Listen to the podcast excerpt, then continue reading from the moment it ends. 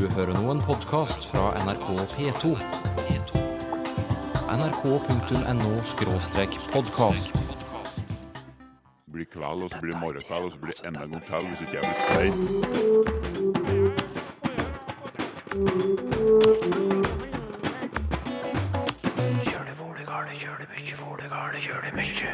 Nynorsk er det verste tullet jeg har vært borti. Hissige nettdebatter om nynorsk, kan de være nyttige? Altså, Vi kan ikke på en måte bare avvise alle nettdebatter med at uh, her er det bare skrik og skrål. Sang gjør det lettere for små barn å lære norsk. Og plutselig en dag hører vi en stemme vi ikke har hørt før. Da er det lille fara. Tak over skapet. Klar røst og perfekt tekst. Se her, Sylfest Lomheim, eh, et ord som en lytter har sendt inn. Hvordan har du tenkt å forklare det? Eh, Penger blir lagt i ei lue. Hva sa du? En sum som blir lagt i ei lue. Og hva skjer så? Hvis de har hendene i lua, Tuller du med meg nå, eller? altså handa i lua, Hallo? noe blir lagt i ei lue. Ja, det har vi fått med oss nå, faktisk. Så får vi resten siden, da, kanskje.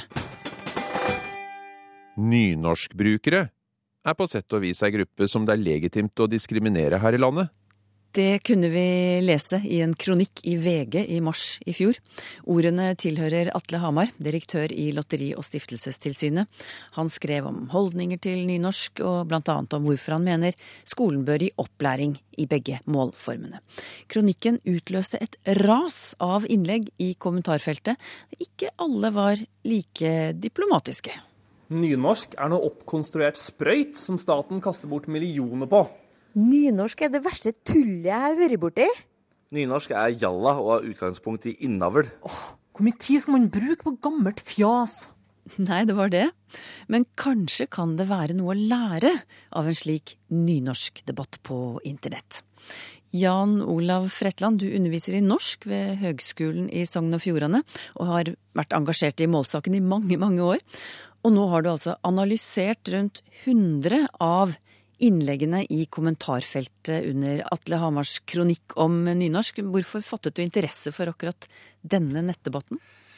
Ja, Det er jo eh, blant annet det at eh, VG er eh, den største avisa. VG hadde her gitt plass til en kronikk om nynorsk, som ikke akkurat er noe hverdagslig fenomen. Og så har det vel òg litt med det at eh, på en måte lesersida, altså leserinnlegget VG, har sånn tradisjonelt vært oppfatta som Altså Der finner du eh, litt sånn fremmedfiendtlige og intolerante innlegg. Så Derfor tenkte jeg kanskje det var interessant å se hvordan et, eh, en nettdebatt utvikler seg. Så jeg skunda meg eh, før de begynner å stryke noe sånn, og, og le, skrive ut de, de 100 første innleggene. Mm. Du, hva vil du si var som, hva var det som preget debatten? Altså, jeg fant ut ganske fort at uh, en måtte dele det opp. Eh, og brukte jo nå en metode som, som jeg har lært meg fra utlandet. da. Eh, så jeg gikk tilbake til den gamle klassiske retorikken og fant ut at en kunne dele dette her liksom opp i eh, eh, altså patos, da, liksom voldsomme utbrudd, og så etos, disse her liksom litt moralske, som syns dette er forferdelig dyrt. da. Og så logos, altså det som er mer kan du si, vanlige, informative, vanlige argument. Og det eh, fikk ei bra deling mellom de i grunnen i dette her. Du, kan du ikke raskt bare gi oss ett eksempel på hver av kategoriene, sånn at vi, vi henger med på denne tredelingen? Ja, det kan jeg gjøre. Eh, Altså, hvis, hvis vi nå tar Nynorsk er det største tullet jeg noensinne har vært borti. Hvorfor har ingen kommet med forslag om valgfrihet før nå? Jeg vil gjerne ha muligheten til å fjerne nynorsk karakter min fra vitnemålet. Kunne heller hatt bilde av en ku på vitnemålet enn nynorsk. Så, så det, er den, det er den ene Ja, hva, hva, typen. hva kaller du den typen? Ja, dette er, dette er patos. Dette her er Det svulmer over av frustrasjon over li, lidingene som vedkommende har hatt. da. Knyttet til følelser? Så har du, altså. så har du så, Ja, så, har så kommer etos, ikke sant, dette her umoralske. Nynorsk er noe oppkonstruert sprøyt som koster samfunnet millioner på millioner og gjør offentlig administrasjon enda mer tungrodd enn den ellers ville vært. Ikke sant? Altså, da får du, da får du dette her suti for uh, samfunnet og uh, budsjettet våre og alt det nyttige en kunne brukt dette her til i stedet for um, det unyttige nynorsken, da. Mhm. Men så har vi altså, Det som jeg syns er kanskje mest interessant, her, det er at eh, hvis en tenker eh, at vi har en fire-fem argument vanlige argument som en lærer på skolen, da. For eksempel dette her demokratiargumentet, at det er to eh, likeverdige språk, eh, språkhistoria, eh, at nynorsk ligger nær dialektene, at du har en brei kultur.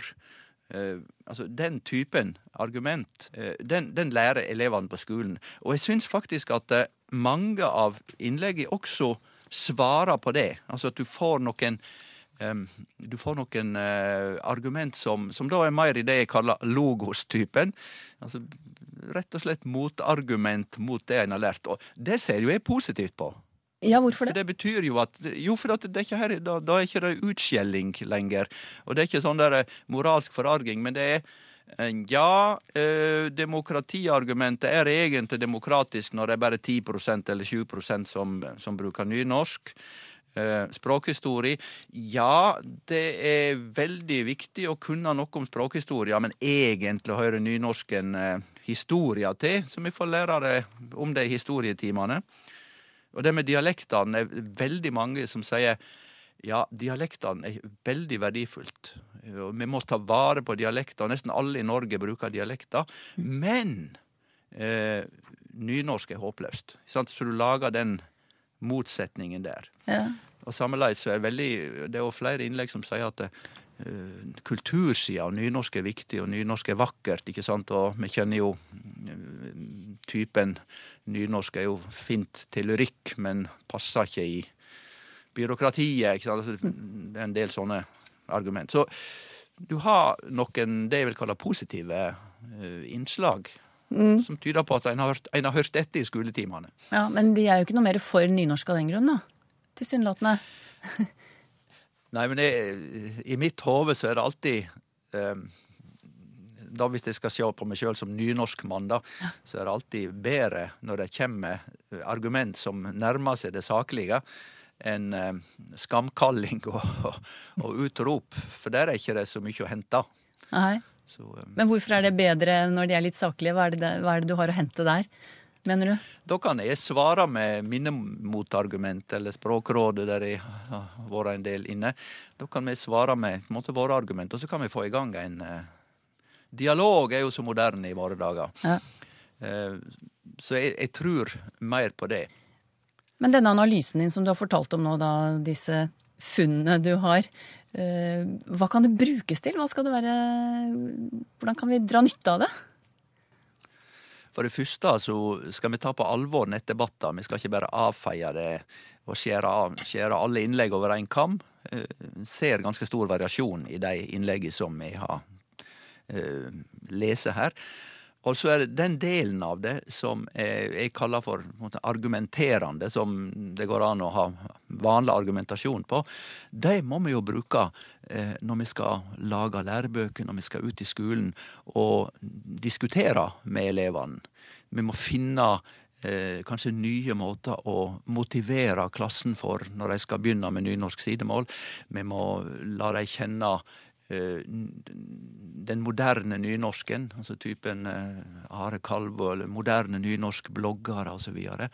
For det, jeg sitter jo med en slags kjensle av at de som prøver å argumentere litt ordentlig her, de, de, de kjenner den nynorsken som noe gammelt, som en sånn der historisk skrukka som skulle vært retta ut, sånn at vi fikk et noenlunde skikkelig og ordentlig eh, språk, og bare ett i Norge. Så det er den viktigste, det viktigste bruksområdet for dette her. Nyttig lærdom å hente fra nettdebatter om nynorsk, det mente Jan Olav Fretland ved Høgskolen i Sogn og Fjordane. Hva mener du bør være årets ord? Plattform. Blå-blå. Morna, Jens. Sonderinger. Sjakk. Dette er noen av lytternes forslag, men Språkteigen vil gjerne ha flere innspill. Vi er ikke ute etter nyord, men kjente ord og begreper knyttet til samfunnsdebatter og sentrale hendelser i 2013. Jeg deler ut krus og T-skjorter til noen av bidragene, og årets ord kårer vi på tampen av desember. Hva mener du er årets ord? Skriv til teigen krøllalfa nrk.no eller Språkteigen NRK P2 7005 Trondheim. Mikkel Rev satt og skrev på ei lita tavle.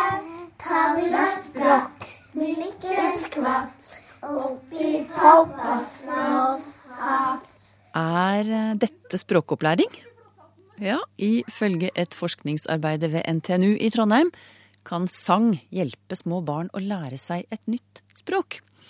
Nora Bilalovic Kulseth ved Institutt for musikk, du skriver en doktoravhandling om musikk som verktøy i norskopplæringen av minoritetsspråklige førskolebarn. Og hvordan kan sangen være til hjelp? Sangen er til hjelp for dem eh, av flere årsaker. Det ene måten å hjelpe på, det er at det hjelper dem å komme inn i leiken med de norskspråklige barna. Den andre måten det hjelper på, det er at man øver seg Tunga øver seg uforpliktende på de nye språklydene før man også er nødt til å produsere språk og si fornuftige ting. Hvordan kan sangen hjelpe til å, å løse disse utfordringene som du nevnte nå? Når eh, du skal lære et nytt språk, så kaller vi at man befinner seg i et dobbelt dilemma. Det vil si at for å lære deg litt av språket, så må du få tilgang på dem som allerede snakker språket. Men for å få tilgang på dem som allerede snakker språket, så må du allerede kunne litt av språket. Og dette er det vanskeligste for små barn, fordi andre små barn er ikke høflige mot hverandre. De gidder ikke å leke med deg hvis du ikke snakker norsk. Men gjennom sangen så bryter man dette doble dilemmaet. Da sitter man på disse, og så synger man den samme sangen. Man sitter og graver i sandkassa eller sykler rundt barnehagen og kan de samme sangene. Og mer skal det ikke til før man blir inkludert og havner i det eh, lekemiljøet som eh, målspråket har, altså det norske lekemiljøet. Og dermed så er, det, er veldig mye av det gjort. Det er noe av det viktigste jeg har funnet ut så langt i forskninga mi, er nettopp det. Mm. Men Så nevnte du vanskelige lyder. Hva er det som skjer med de vanskelige lydene når vi synger? Når vi synger, så er det akkurat som om de vanskelige og nye lydene de kommer av seg sjøl, fordi vi hermer jo bare etter dem som lærer oss sangen. Vi trenger ikke å problematisere, vi trenger ikke å tenke at oi, hva var det jeg skulle si nå, hvilket ord, og hvordan er setningsoppbyggingen. Og så er det sånn at melodien og rytmen i sangen den hjelper oss sånn at alt blir riktig. Intonasjonen i språket blir riktig. Og måten vi sier lydene på, blir riktig. Vi kan ikke legge vekt på flere uh, lyder i en setning eller i et ord enn det som sangen gir oss. Så hvis du skal synge 'Når skinner sola i vinduskarmen og katta males som aldri før', så er alle de ordene riktig når vi synger. Og dermed så er det akkurat som det setter seg fast i hjernen og setter seg fast i tunga, helt automatisk, uten at vi da trenger å sitte og øve på det. Ja, ja men eh, språkopplæring i, i barnehagen f.eks. med å lese fra bøker, eh, gjenta ord og sånn. Mm. Hvorfor er ikke det sånn som jeg forstår det, hvorfor er ikke det like effektfullt da, som å synge? Ja, um, å lese fra bøker er kjempefint, så nå skal ikke jeg drive på og, og gå folk i næringa og si at uh, ingenting annet enn musikken fungerer. Men musikken fungerer veldig sterkt, og det, man må få inn musikken også. Og så er det sånn at vanlig språk, altså det vi tenker på tradisjonell språkopplæring med språkgrupper, uh, det viser den nyeste forskninga fra Canada viser nå at så lenge du er tre, fire, fem år, så virker det ikke. Det er ikke sånn vi lærer. Vi lærer gjennom lek. Fra du er fem år, så kan du sitte og lære mer tradisjonelt. Men før det så er det bortkasta. Du lærer ingenting, rett og slett. Og da kan vi ta inn sangen i stedet. Og selvfølgelig fortelle eventyr og gjøre alt det andre òg, men sangen vil da hjelpe deg både inn i det sosiale, så du får leika på norsk. Det er jo det som er det viktigste, det vet jo alle. Og det kan også hjelpe deg så tunga di får øvd deg på alle de rare nye lydene som du skal lære deg, mens du bare gjentar sanger som noen andre har lært deg. Mm. Du sier at uh, gjennom sangen så lurer vi hjernen til å, å lære litt språk. Hva, hva, er dette lureriet for noe? ja, vi lurer hjernen. Vi tar det inn bakdøra. Fordi det som skjer med det som jeg snakker om nå, det er at vi lærer oss et språk uten at vi tenker på det. Og vi, i, altså det når vi, skal, når vi skal uttale ord og lage setninger, så er det i et område av hjernen som heter Broccas område. Mens alt vi assosierer med språk, det er et annet område igjen som heter Wernickes område. Og språk og musikk deler veldig mange felles funksjoner i hjernen, men det brukes forskjellig på forskjellig måte. Og akkurat som små barn kan synge en hel sang uten å sette sammen to ord en gang enda, så ser vi at det er Vi lurer hjernen vår når vi synger. Vi bruker mer, vi klarer å gjøre mer gjennom musikken enn om vi bare helt iskaldt skal sitte og lage setninger. Vi har inntrykk av at det synges mye i norske barnehager. Hvorfor er ikke det nok til at barna kommer inn i språket? Altså Den måten man bruker sang på i dag i barnehagene? Ja, det synges ikke nok i norske barnehager i det hele tatt. Det gjør nok ikke det. Um, en del av forskninga mi uh, handler også om det vi kaller stemmeskam. Nettopp pga. at jeg vet at det ikke synges nok i norske barnehager.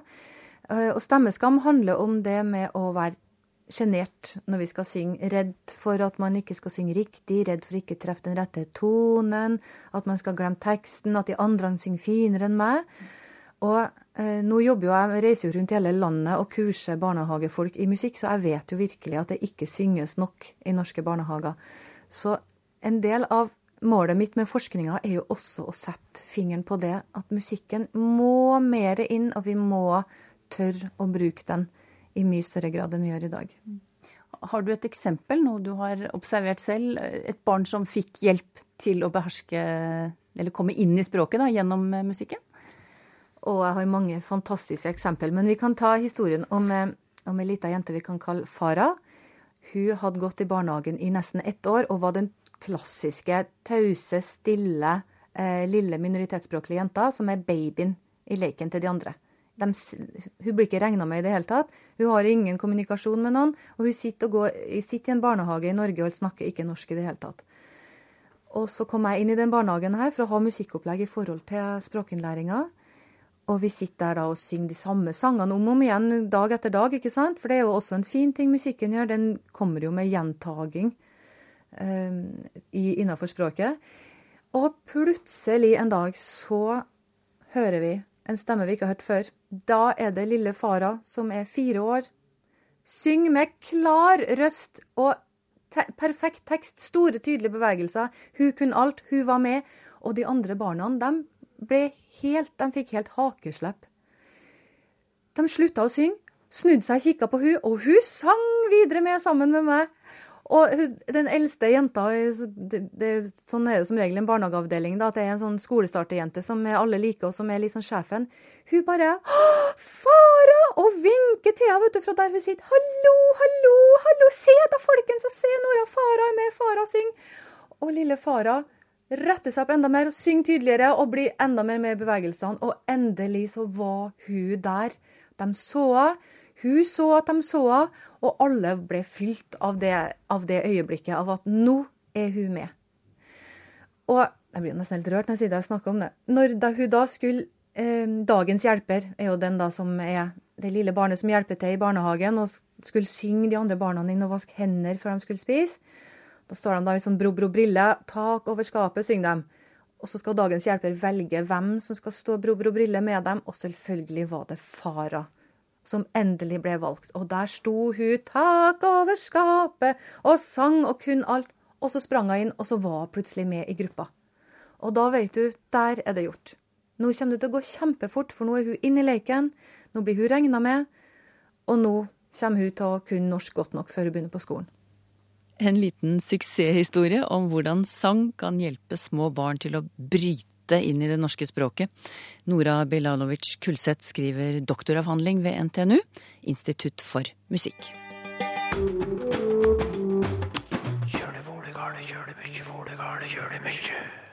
Handikap og pilotprosjekt er blant ordene du skal forklare i dag, Sylfest Lomheim. Og så har vi dette spørsmålet fra Gro Berntsen. Når bruker vi likevel Og når er det riktig med allikevel? Jeg var tilbøyelig til å svare da jeg så dette spørsmålet fra Gro Bensen, at dette er jo heilt fritt valg, Det er heilt likestilt eh, på bokmål. På nynorsk er det stort sett likevel. Vi bruker ikke så mye allikevel på nynorsk, men altså på bokmål. Heilt likestilt. Og så begynte jeg å grave litt i saka, og da landa jeg på den eh, konklusjonen, eller innsikta, at det er kanskje ikke heilt det er, en liten nyanseskilnad mellom allikevel og likevel, og grunnen er nok at opphavet, som er lågtysk, ikke er heilt likt, for eh, likevel betyr eh, like fullt, altså eh, det er vål på tysk der, men allikevel kjem fra alt likevel. Og da, eh, da høyrer vi at eh, for eksempel hun sov hele natta, likevel var hun trøtt neste dag. Det er ikke så naturlig å ha hun sov hele natta, allikevel var hun trøtt. Der passer det best med likevel, og det er fordi at i likevel så ligger det en nyanse av like fullt, altså ikke desto mindre så var hun trøtt. Og den samme nyansen ligger ikke i allikevel. Det betyr mer alt er like greit, altså. Alt er likevel. Så konklusjonen er det ligger sannsynligvis en liten meningsnyanse mellom de to orda i bokmål. Vi kan iallfall bruke det med en liten nyanse, sjøl om de stort sett kan byttes ut med hverandre. Men har du et eksempel der eh, allikevel vil være det, eh, slik du ser det, beste valget mellom de to? Eh, hvis noen spør vil du være med på kino, og så svarer vedkommende nei, men så etter sånn jeg blir med allikevel. Og hvis vi tenker oss ei omsetning av allikevel der, så hører vi at der er ikke det naturlig å si jeg blir med like fullt, eller jeg blir med ikke desto mindre. Det går ikke heilt som omsetning, med det var jo omsetninga av hun sov heile natta, likevel var hun trøtt. Ikke desto mindre var hun trøtt. Så når vi begynner å, å jobbe med disse setningene der vi bruker likevel og allikevel, så finner vi av og til at de er ikke helt like i mening eller nyanser. Likevel. Rudi Kessel, eller kanskje det uttales Rudi Kessel. Iallfall, han spør om ordet pilotprosjekt. Alle skjønner hva det står for, skriver han, men selve sammensetningen pilot pluss prosjekt, den er mystisk. Hvor kommer dette fra, og hvem har funnet på det? Ja, det er jo et vanlig ord i norsk etter hvert, pilotprosjekt, men eh, jeg tror første gangen jeg la merke til det, var på 1980-tallet.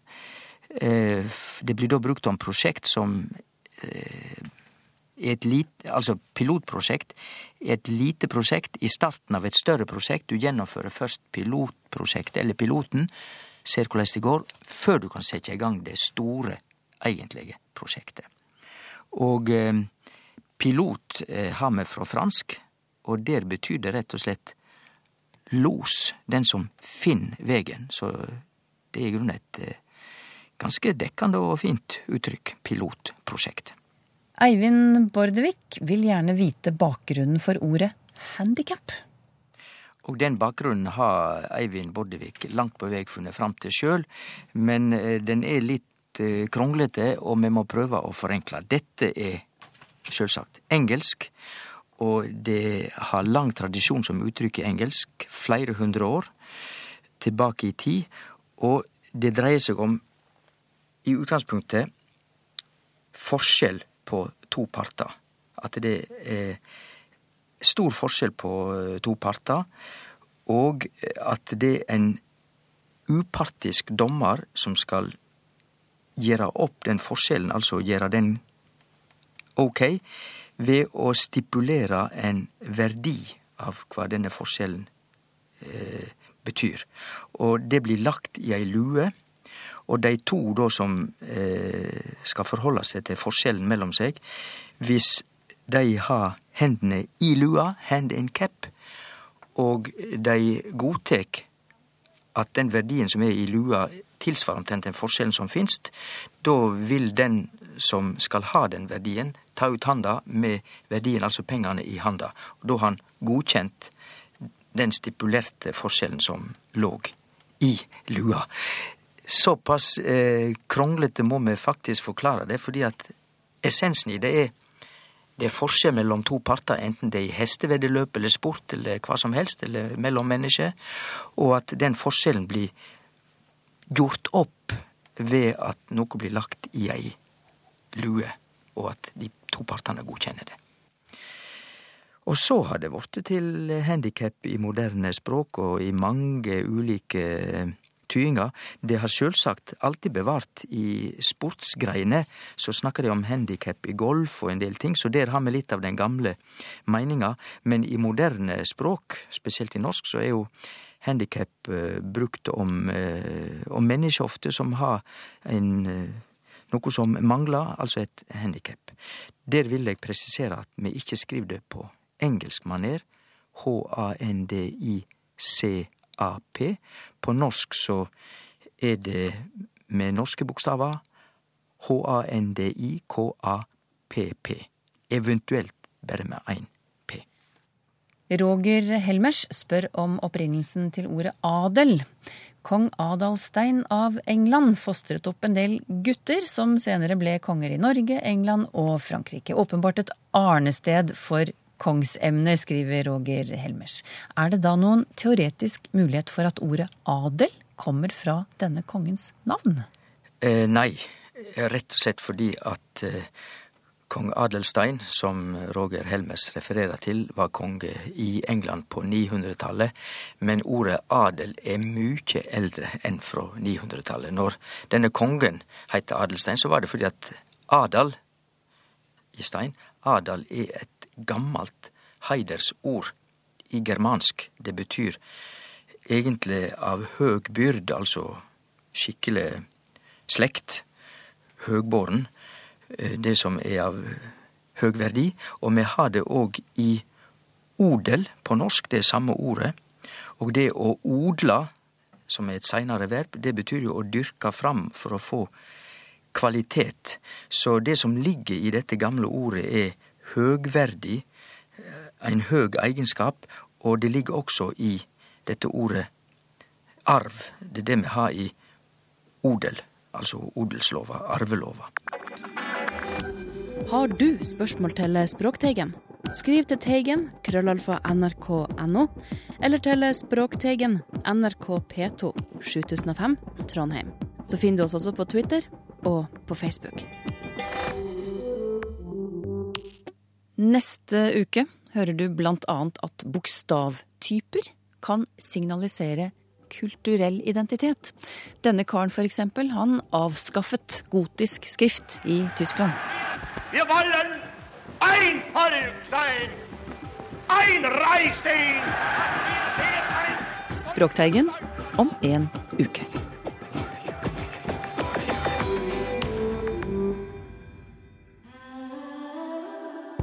nrk.no podkast.